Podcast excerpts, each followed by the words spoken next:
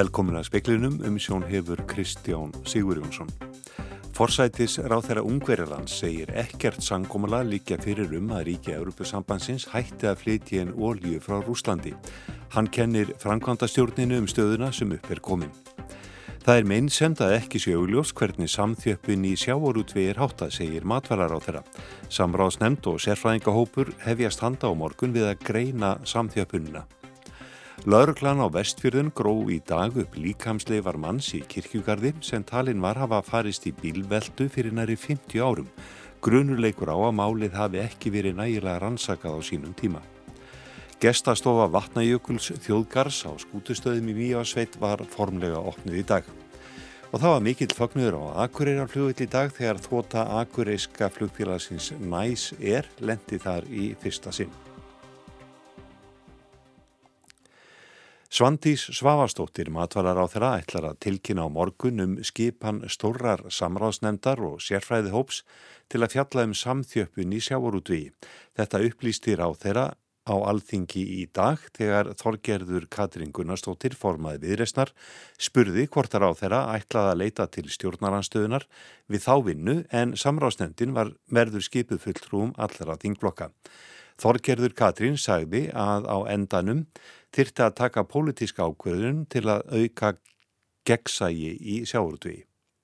Við höfum ítlika kallað meðal annars í viðresnu og fleiri flokkum Eh, eftir eh, skýrslu um eignarhald 20 stærstu útgerðarfélagana í íslensku atvinnulífi þar var áhugin hjá fyrrverandi sjávarútvegsráðherra núll þegar kom að, því. Mun hæstvirtur ráðherra leita til stjórnarandstöðunar til þess einmitt að, að, uh, til þess einmitt að taka á því óréttlæti sem gildir í sjávarútvegi. Við erum til, er ráðherran til. Ég tel að við þurfum að gera mikið betur í að grafast fyrir um þau mál svo þau séu upp á borðum. Það verður farið í það Eh, við erum ekki alveg á byrjunarreit í því. Við hefum eh, töluverðar upplýsingar en þetta er meinsend í þessu kerfi að það sé ekki augljóst hver þessi samþjöppun er. Uh, af þeirri ástæðu að þá er ég uh, nú og mun gera grein fyrir þeirri, þeirri skipan á morgun að setja saman annars vegar stóra samráðsnefnd með aðkoma allra þingflokka og uh, helstu hagsmunnaðila en líka sérfræðingahópa sem eru ekki með beinar flokkspolítískar tengingar. Sagði Svandi Svanvarsdóttir á Alþingi áður hyrðist í Þorgerði Katrínu Gunnarsdóttur. Óeining er innan leðtóraðs Európusambansins um að hætta að flytjinn ólju frá Rúslandi í refsingarskinni fyrir innrás rúsa í Úgrænu. Forsættis ráð þeirra Ungverjarland segir enga málaðmiðlun líka fyrir og segir ólju innflutningsbann hafa komið honum í opna sköldu. Leithóarnir komu saman til tveikja daga fundar í Brussel í dag til að ræða hertar refsiaðgerðir gegn rúsum vegna framferðist þeirra í Úkrænu. Sátt er um þær allar nema bann við að kaupa ólíu af rúsum. Úrsula von der Leyen, fórseti frangvanda stjórnar ESB, hvaðst fyrir fundin vera von lítil um að hægtir þið að ná sátt um málið, en Charles Michel, fórseti leithóaráðsins, var ögnum von betri um árangur. Viktor Orbán, fórsættis ráþæra Ungverilands, segði við komuna til fundarins að engin málamiðlun væri upp á borðinu. Hugmyndunum bann við oljuviðskiptum við rúsa hefði komið eins og skrattin úr söðarlegnum úr smiðju framkvæmda stjórnarinnar og það væri alfarið henni að kenna að málið væri í hnút. The whole situation we are in is a difficult one created by the Commission and the responsibility of not having agreement today must be and will be in the shoulder of the Commission. Orban sagði að þegar fyrir refsiaðgerðir voru afgreitar hefði legið fyrir hvaða afleðingar þær hefðu fyrir aðildar þjóðirnar svo væri ekki að þessu sinni. Ungverjar hefðu enga tryggingu fyrir að þeir fengju næga ólíu ef þeir hættu að kaupa hana af rúsum. Fyrst ætti að leggja fram lausnirnar og síðan samþykja aðgerðirnar en ekki öfugt. Ásker Tómasson sagði frá. Líkamsleifar mann sem lést af slísförum fyrir nokkrum áratugum voru grafnar upp úr kirkjugarði á vestfjörðum á fastudag. Þetta kemur fram í tilkynningu frá lauruglun á vestfjörðum. Þar segir að ábending hafi borust um að slísið hafi ekki verið upplýst næjanlega á sínum tíma og þó tæp 50 ár síðu liðin sé tali mikilvægt að upplýsa nánar um tildrú þess. Líkið hafi verið grafið upp með vitund og samþykki nánustu aðstandenda og að fengnum dómsúrskurði. Líkamsleifarnar eru til rannsóknar hjá réttarlækni og beðið er niðurstöðu þeirrar vinnu. Formaður félags íslenskra listamanna í sviðslistum og kvikmyndum segir eðlilegt að hefð ópeimbera geri úttækt á hvernig samningamálum sé háttað hjá íslensku óperunni í kjölfar niðurstöðu landsréttar í máli óperusönkonunar Þóru Einarstóttur gegn óperunni. Landsréttur dæmdi á föstudag íslensku óperuna til að greiða Þóru Einarstóttur 618.168 krónur vegna eftirstöðva æfingarlauna, launatengdra gjalda og yfirvinnu. Þá var óperunni einnig gert að greiða 2,8 miljónir króna í málskostnaði hér aði og fyrir landsrétti. Fallist var á það að gildis við kjarasamnings félags íslenskra hljómlistarmanna og félags íslenskra leikara um kaup og kjör söngvara hefði náð til samningshennar við íslensku óprönna, þótt þar hefði verið um greiðslu verklauna. Með þessu snýri landsréttur niðurstuðu hýrastóms Reykjavíkur við, þar sem fallist var á raug óprönnar um að fara einungis eftir verktakasamningum við ópröðsöngvara. Birna Hafstein, formaður félags íslenskra listamanna í sviðslistum og kveikmyndum, segir málið vera fordamiskægandi. Okkar skoðun hefur verið frá uppháfi svo að það hafi verið brotið á, á söngunni og, og kæra samningur ekki virstur. Nú hérna liggur þetta ljóst fyrir og þá svona veldur maður fyrir sér hvort að sé ekki tilefni til þess að hefur ofnbyrju farið á skoði og, og hérna geri bara almeinlega úttækt á samningamálum og hvernig þeim er háttað hjá Íslensku óbyrjunni. Við sem samfélag við hljóttum að geta gert þá kröfu að það er stofnun sem eru reknar fyrir óbyrjt síða gangi fram með eh, góðu fordami. Sagði Birna Hafstein, Rebecca Líf Ingadóttir talaði við hana. Í dag opnaði gestastofa vatnajökulsþjóðgars á skútustöðum í Mjóasveit formlega. Guðlaugur Þór Þórðarsson, umhverfis orku og lofslagsráð þeirra var viðstattur hinn að formlegu opnin. Starfsemi gestastofunar í gamla skólanum á skútustöðum sem síðustu ár hefur hýst Hótel Gíg verður allt annað en einsleitt. Þá eru við að, eh, að výja skrifstofur þar sem að eh, fjóri aðilar eru, eru með aðsettur, þú ert með umhverfistofnun, vatnengur þjóðgarð, rannsnóststöðun á mývatni og landgræsluna og e, þetta er hérna gestastofa sem að e, fólk getur fengið upplýsingar og, og fræðslu og leiðbeiningar. Með þessari opnun segir ráð þeirra enn eitt skrefið tekið að því að styrkja þau svæði sem þeim ber að halda utanum. Þetta er auðvitað hagsminn okkar landsmanna og, og svo ekki síst landsbyðarinnar og eh, við erum að leggja líka áherslu á það að þeir sem að eru að eh, vinna þessu málum, að þeir hafi staðathekkingu og búi og eh, vinni hér. Nú eru megin starfstöða þjóðgarsins orðnar 5 en staðsendingu þessara starfstöðar segir Guðlugur einstaklega henduga fyrir starfsemi sem þessa en það er ekki náttúrufegurð allt í kring. Að því sögðu byðlar hann til landsmanna að leita ekki langt yfir skamt. Við þurfum ekkert alltaf að sækja vatni við lækin. Við eigum afskaplega fallet land, eh, merkild land og ég hvet fólk til þess að eh, fara í gestastofu þjóðgarsins og eh, kynna sér þar sem það fyrir fram því að það er ástáðið sem fólk kemur hér um, um langa veg til að heimsækja okkur. Þetta var Guðlúður Þór Þórðarsson, Amanda Guðrún Bjarnadóttir tók þennan pistil saman. Það var mikið um dýrðir á Akureyrarflugvill í dag þegar Airbus A319 þvota Akureyriska flugfélagsins næsir lendi þær í fyrsta sinn. Fjöldi fólks tók á móti vilni og það var Elisa Rít, fórsettafrú, sem gaf henni nafni Súlur. Fjóri flugmenn og tíu flugþjónar hafa verið ráðnið til starfa hjá félaginu sem er eigu fyrirtækja, einstaklinga og stopnana á Norðurlandi. Þorvaldur Lúðvík Sigur Jónsson, frangvandastjóri næsir, segir að það hefði verið stór stund þegar vélinn lendi á Akureyri um klukkan hálf tvö í dag. Já, heldur betur. Þetta er afskaplega gleðilegu dagur, held ég ekki bara fyrir mig eða hluthafanna eða aðstandendur félagsins sem hefur unnið bara þrótlust starf undan fjóra mánuði. Þetta er einfallega bara stór dagur í samgöngu sögu þjóðarinnar. Og þetta er náttúrulega bara byrjuninn og, og svo verður farin fyrsta ferð núni vikunni og, og allt fyrir gang. Já, við förum til Kaupmannahafnar annan júni og síðar til London daginn eftir og svo er bara boltinn búinir að rúla eins og maður segir. Eh, hvað er búið að selja miðum til dæmis? Við erum búin að selja svona ríflega það sem við teljum að sé sumaráallinin okkar Eh, nú þegar og það hefur bara gengið mjög vel og augljóslega þetta var þörf á þessu. Það er fyrsta ferð á 15 er uppselt í fyrstu ferð? Já, ég tel svo að vera. Þarna rætti Ágúst Ólarsson við Þorvald Lúðvík Sigurjónsson. Jörð hefur skólfið norður í landi í dag. Jarskjálti 4,1 stærð værðum 8 km norður af Gjögurtá á tíunda tímanum í morgun og annar litlu minni á sveipuðum slóðum í nótt. Og náleitningar fundu vel fyrir skjáltónum. Freysteinn Sigmundsson, jarð eðlisræðingur er komin í speilin til okkar. Velkomin. Takk. Eh, við erum aðalega að hugsa um skjálta á Reykjaneskaga undan hann mánuði en hvaða skjáltar eru þetta? Já, þetta svæði þarna undan ströndu Norðurlands uh, eh, kvöldu við tjörnesbrótabeltið og þetta er nú eitt annað mesta jarðskjáltasvæði Íslands og þetta er alveg stórt svæði þannig að það er allt frá minniskagæferðar og, og austur í Öksarfjörð og, og norður fyrir Grímsei. Uh, það er brotið upp í, í eða skjáltavirknin innan þessa svæðis er, er mistreifð og, og skiptist í eiginlega svona þrjár megin reynar og eina af þessum reynum er þetta að Húsavíkur flategar miðskengi eh, sem liggur þarna í, í, í sjónum, skamtrálandi og er eitt af allra virkustu og, og, og mestu uh, miðskengjum á Íslandi. Og þetta voru býstna upplýði skjáltar? Já, það getur nú orðið stærri skjáltar þarna. Það koma svona reynur, gerðan á nokkra ára fresti, síðast fyrir um tveim árum.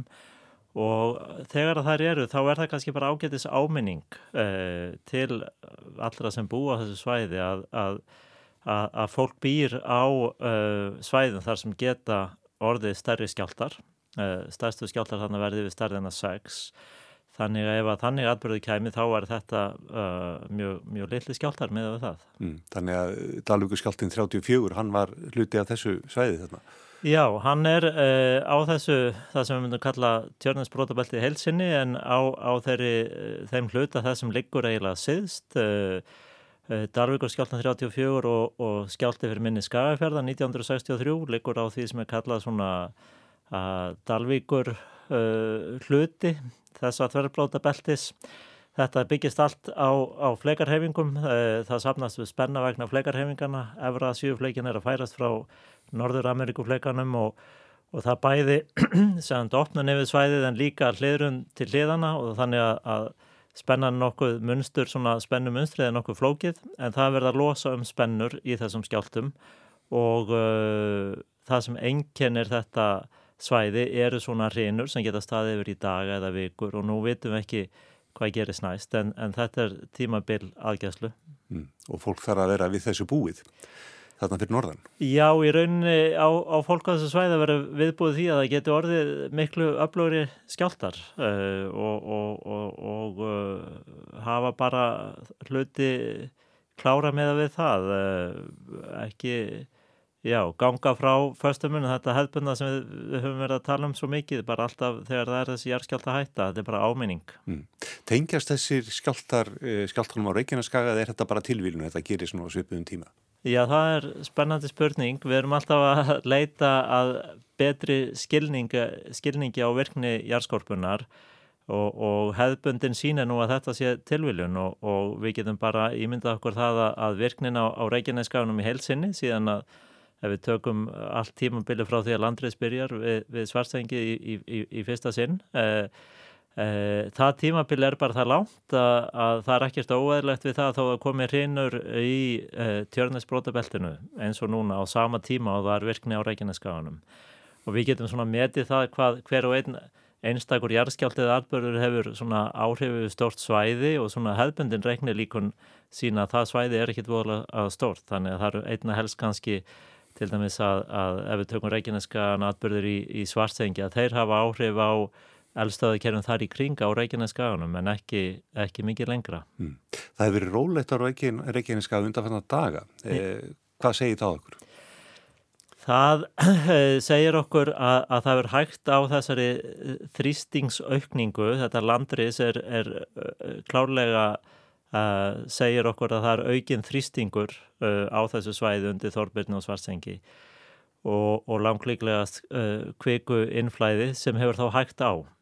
En ég held að það sé engin ástæði til að, að, að slaka eitthvað á viðbúnaði þar því að við vitum að, að sumir atbyrðir, til dæmis Elgósi í Fagradalsfjalli, þar var ákveðið hlið eða að mingun á virkni uh, síðustu dagana uh, áður en Elgós byrjaði. Þannig að við erum að fylgjast vel með Um, en, en það verðist verða að hafa hægt á, á, á kveikustreimi eða kveikurhefingum þarna undir þessu svæði en, en það var líka, líka aðtegluvert í fyrri hrinum á Reykjaneskaganum að, að hérna þegar þetta riðs á í, í svartsengi uh, og við Þorbjörn stoppaði þá voru svona ákveðna vísbendingar um að þrýstingur myndi aukast annar staðar á Reykjaneskaganum. Þetta spila kannski meira saman en, en við teljum.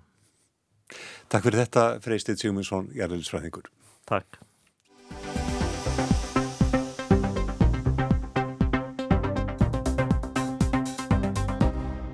Leðtóðaráð Evropasambandsins satt í dag á raukstólum og fjallaðum hvernig hættamætti innflutningi ólí og gas frá Rúslandi. Ítla hefur gengið að ná samkominlægi um þær aðgerðir.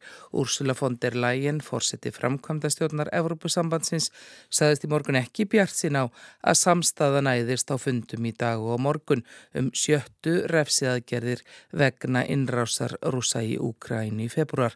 Þar steitir á banni við ólíukaupum af rúsum Ungverjar hafa til dæmi sett sig upp á móti refsiðagerðinu nú og segist þurfa nokkur ár til að hætta ólíu og gaskaupum af rúsum. Mörg ríki í Evrópu reyða sig mjög á jarðefna eldsneiti frá Rúslandi, segi Brynja Huld Óskarstóttir sérfræðingur í öryggis og varnarmálum.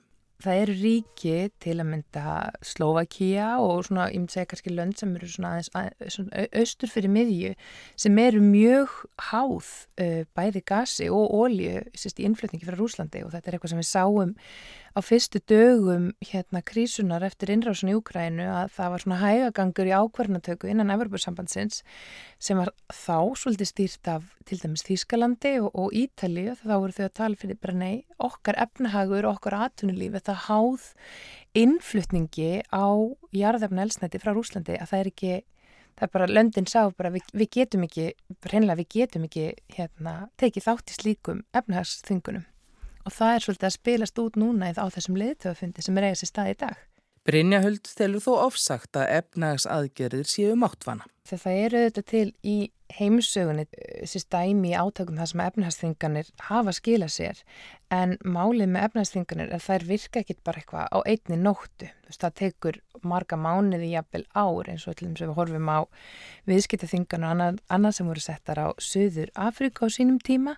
Það tók einhver fjögur ár þanga til að hérna, efnahagsþinganir höfði þau áhrif sem að hérna, til þurfti til að knesetja og koma á hérna, stjórnafarsbreytingum þar. Þannig að þetta er, þetta er sko efnahagsþinganir eru sko langtíma tól og nú erum við komin í rétt rúma þrjá mánuði síðan að var aðvist í Njúkrænu. Þannig að kannski að segja þessi alveg vanmáttugar er kannski ekki alveg orðalægið en, en þetta er vissulega mjög flókið og það sem er að gerast kannski núna og sem leittofundi í dag og morgun er að að sko það er ekki bara pólitist flókið að fá þessa samstöðu innan ríkja Evrópusambandsins heldur er þetta vist líka frekar tæknilega flókið og, og þar kemur inn í hvaða óljur verða að banna, eftir hvaða flutningsleiðum er verða að banna og svo framvegis. Um tveir þriðju þeirrar ólju sem fluttir frá Rúslandi fyrir sjóleðina, hluti af flækjustíinu sem Brynja vísa til ekki gildir sama í Evrópusambandinu eftir því hvort óljan er flutt á landi eða sjó.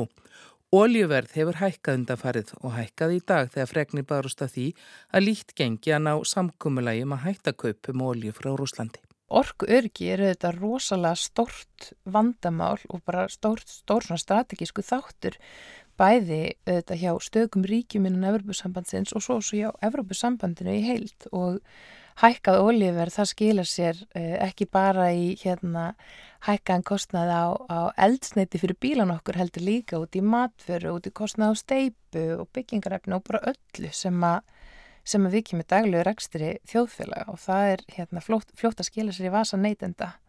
Úkrænumenn hafa falast eftir öflugri vopnum frá Vesturlöndum, til dæmis langdarægum flaugum, gaggrínt dræmi viðbröðu slíkum beðnum. Það tekur langan tíma að þjálfa hermenn til að beita slíkum vopnum en menn óttast líka viðbröðu rúsa. Tókstreitan á milli NATO og Rúslands verði þannig að, að Pútín annarkvört gerir sér líklegan til að beita einhverjum litlum taktískum kjarnorskuvopnum eða fara að hóta stærri viðbröðum þessi hárfína lína sem að Vesturlund er að dansa eftir að vilja styðja Úkrænu og vilja tósa landi nær og, og, og veita þeim allan þann stuðning sem hægt er að veita en á sama tíma að, að dansa þennan, hérna, þennan rosalega flókna dans að gera það ekki á þann hátt að Pútín lesa sem stigmögnin átaka. Úkræna er ekki NATO og allansafsbandalaði ekki skuldbundið til að verja landið en innrás rúsa í Úkrænu er kveikjana mörgu og alþjóða vettvangi, ekki bara umsók finna og svíja um aðelda NATO. Núna í vikunni er þjóðratkvæðgreðsla í Danmörku um það hvort að Danir ætli að fara að taka þátt í varnarsamstarfi Evropasambandsins, eitthvað sem að Danir hafa bara verið með svona hérna klausu í síni Evropasambands aðild um að gera ekki og það er margt, margt annað sem týnist til og búið að breytast bara á þessum þremi mánuðum síðan að Rúslandi reyðst inn í Úkrænu. Þegar maður horfir á þetta og stígun okkur skref aftur og horfir þá auðvitað sér maður að ég get ekki ímynda mér að Pútin hafi viljað að Svíþjóð og Finnland myndu ganga inn í NATO þó svo hann hafi auðvitað alveg vitað að þetta væri lönd sem væri hlýðhöll vestur löndum að þá breytir þetta fyrir hann þegar að Finnlandi komi inn í NATO með sín 1300 km löngu landamæri að Rúslandi. Brynja telur hvergi vilja til að senda herlið til Úkrænu til að taka þátt í beinum bardögum við Rúsland. Bara til að setja í samingi við hérna, Afganistan og þau afskipti Vesturlanda sem átt sér stað þar í 20 ár, þá sé ég bara ekki eftir atbyrði síðasta sumar við bara það sem á svona afskipti Vesturlanda af, af öðrum löndum, bara svo svona stefna fjallsvolitið harkalega. Ég sé ekki alveg að eitthvað ríki vilji ganga beint inn í svona átök og kannski dragast inn í átök sem munu vara ekki bara einhverja mánuð heldur einhver ár. Síðustu vikur yfir þungin í ára sem rúsa fæst inn í Luhansk og Donetsk og mikið veldur og átökum um borgina Severadonetsk. Ef að rúsum tekst að taka þá borg, þá í rauninni getur Pútin svolítið selt heima fyrir að rúsneski herin hafi náða í rauninni frelsa innan gæsalappa þessi tvö héruð sem að ein af ástöðunum fyrir því að, að rúsar fóru þarna inn og þá getur hann sagt já við erum búin að frelsa þessi tvö héruð og svona markmiðinu er náð. Þó svo að við sem kannski síðan hinum einn sitjum og, og horfum á þetta og sjáum já það eru 30.000 rúsnarskir herminn láti lífið í það minsta e, Rúsland er einangraða af alþjóðasviðinu sætir viðskiptafungurum Finnland og Svíþjóðilegin í NATO. Svolítið erfitt að ramma þetta inn sem eitthvað sigur en, en það eru auðvitað þannig að Putin gæti gert það takist honum ná yfir á þeim í þessum feimur héruðum. Sagði Brynja Huld Óskarsdóttir. Anna Kristín Jónsdóttir talaði við hana.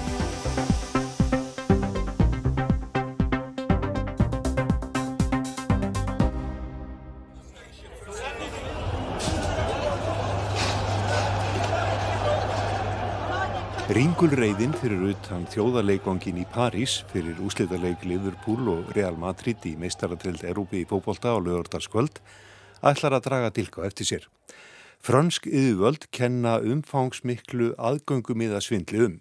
Þúsundir falsaðra miða hafi verið í umferð og mannfjöldin sem vildi komast á völlin með góðu eða yllu miklu meiri en áhorfenda svæðin réðu við.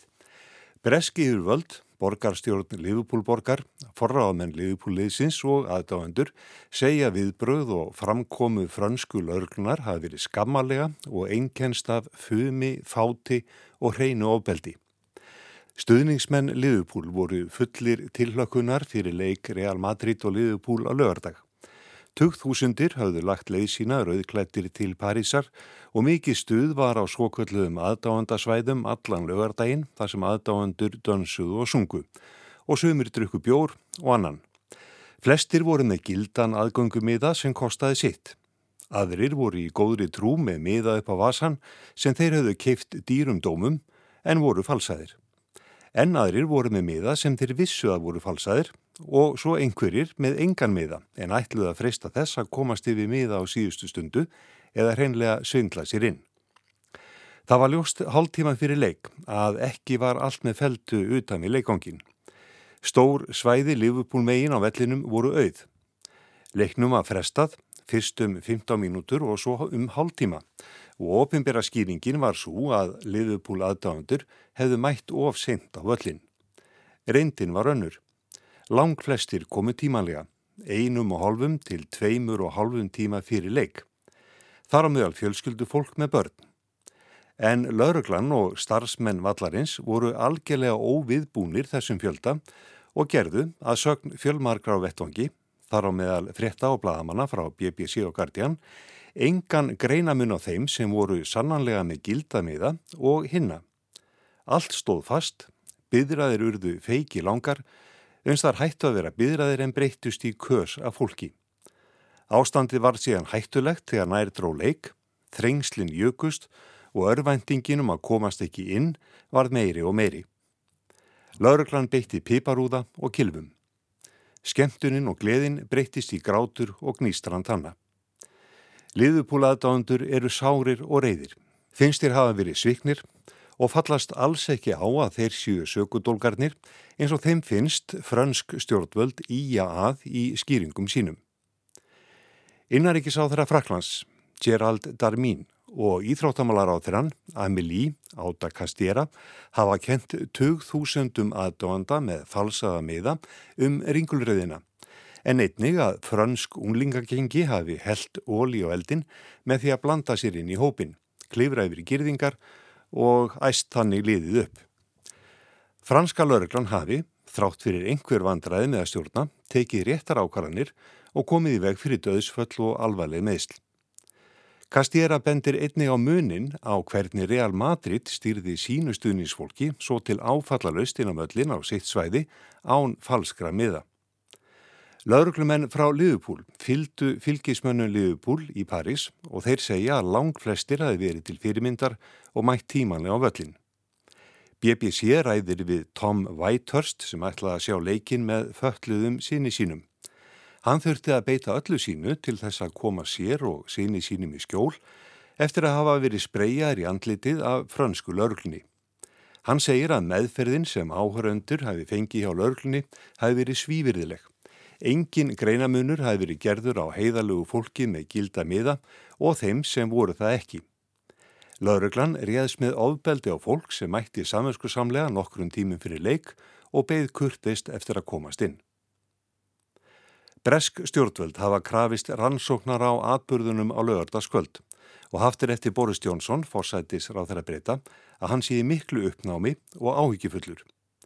Kastjera, íþróttamálar á þeirra Fraklands, bóðaði í dag til fundar með innaríkisráð þeirra, fransku löglunni, evrópska og franska knaspinnussambandinu og fleirum til að fari við málinn.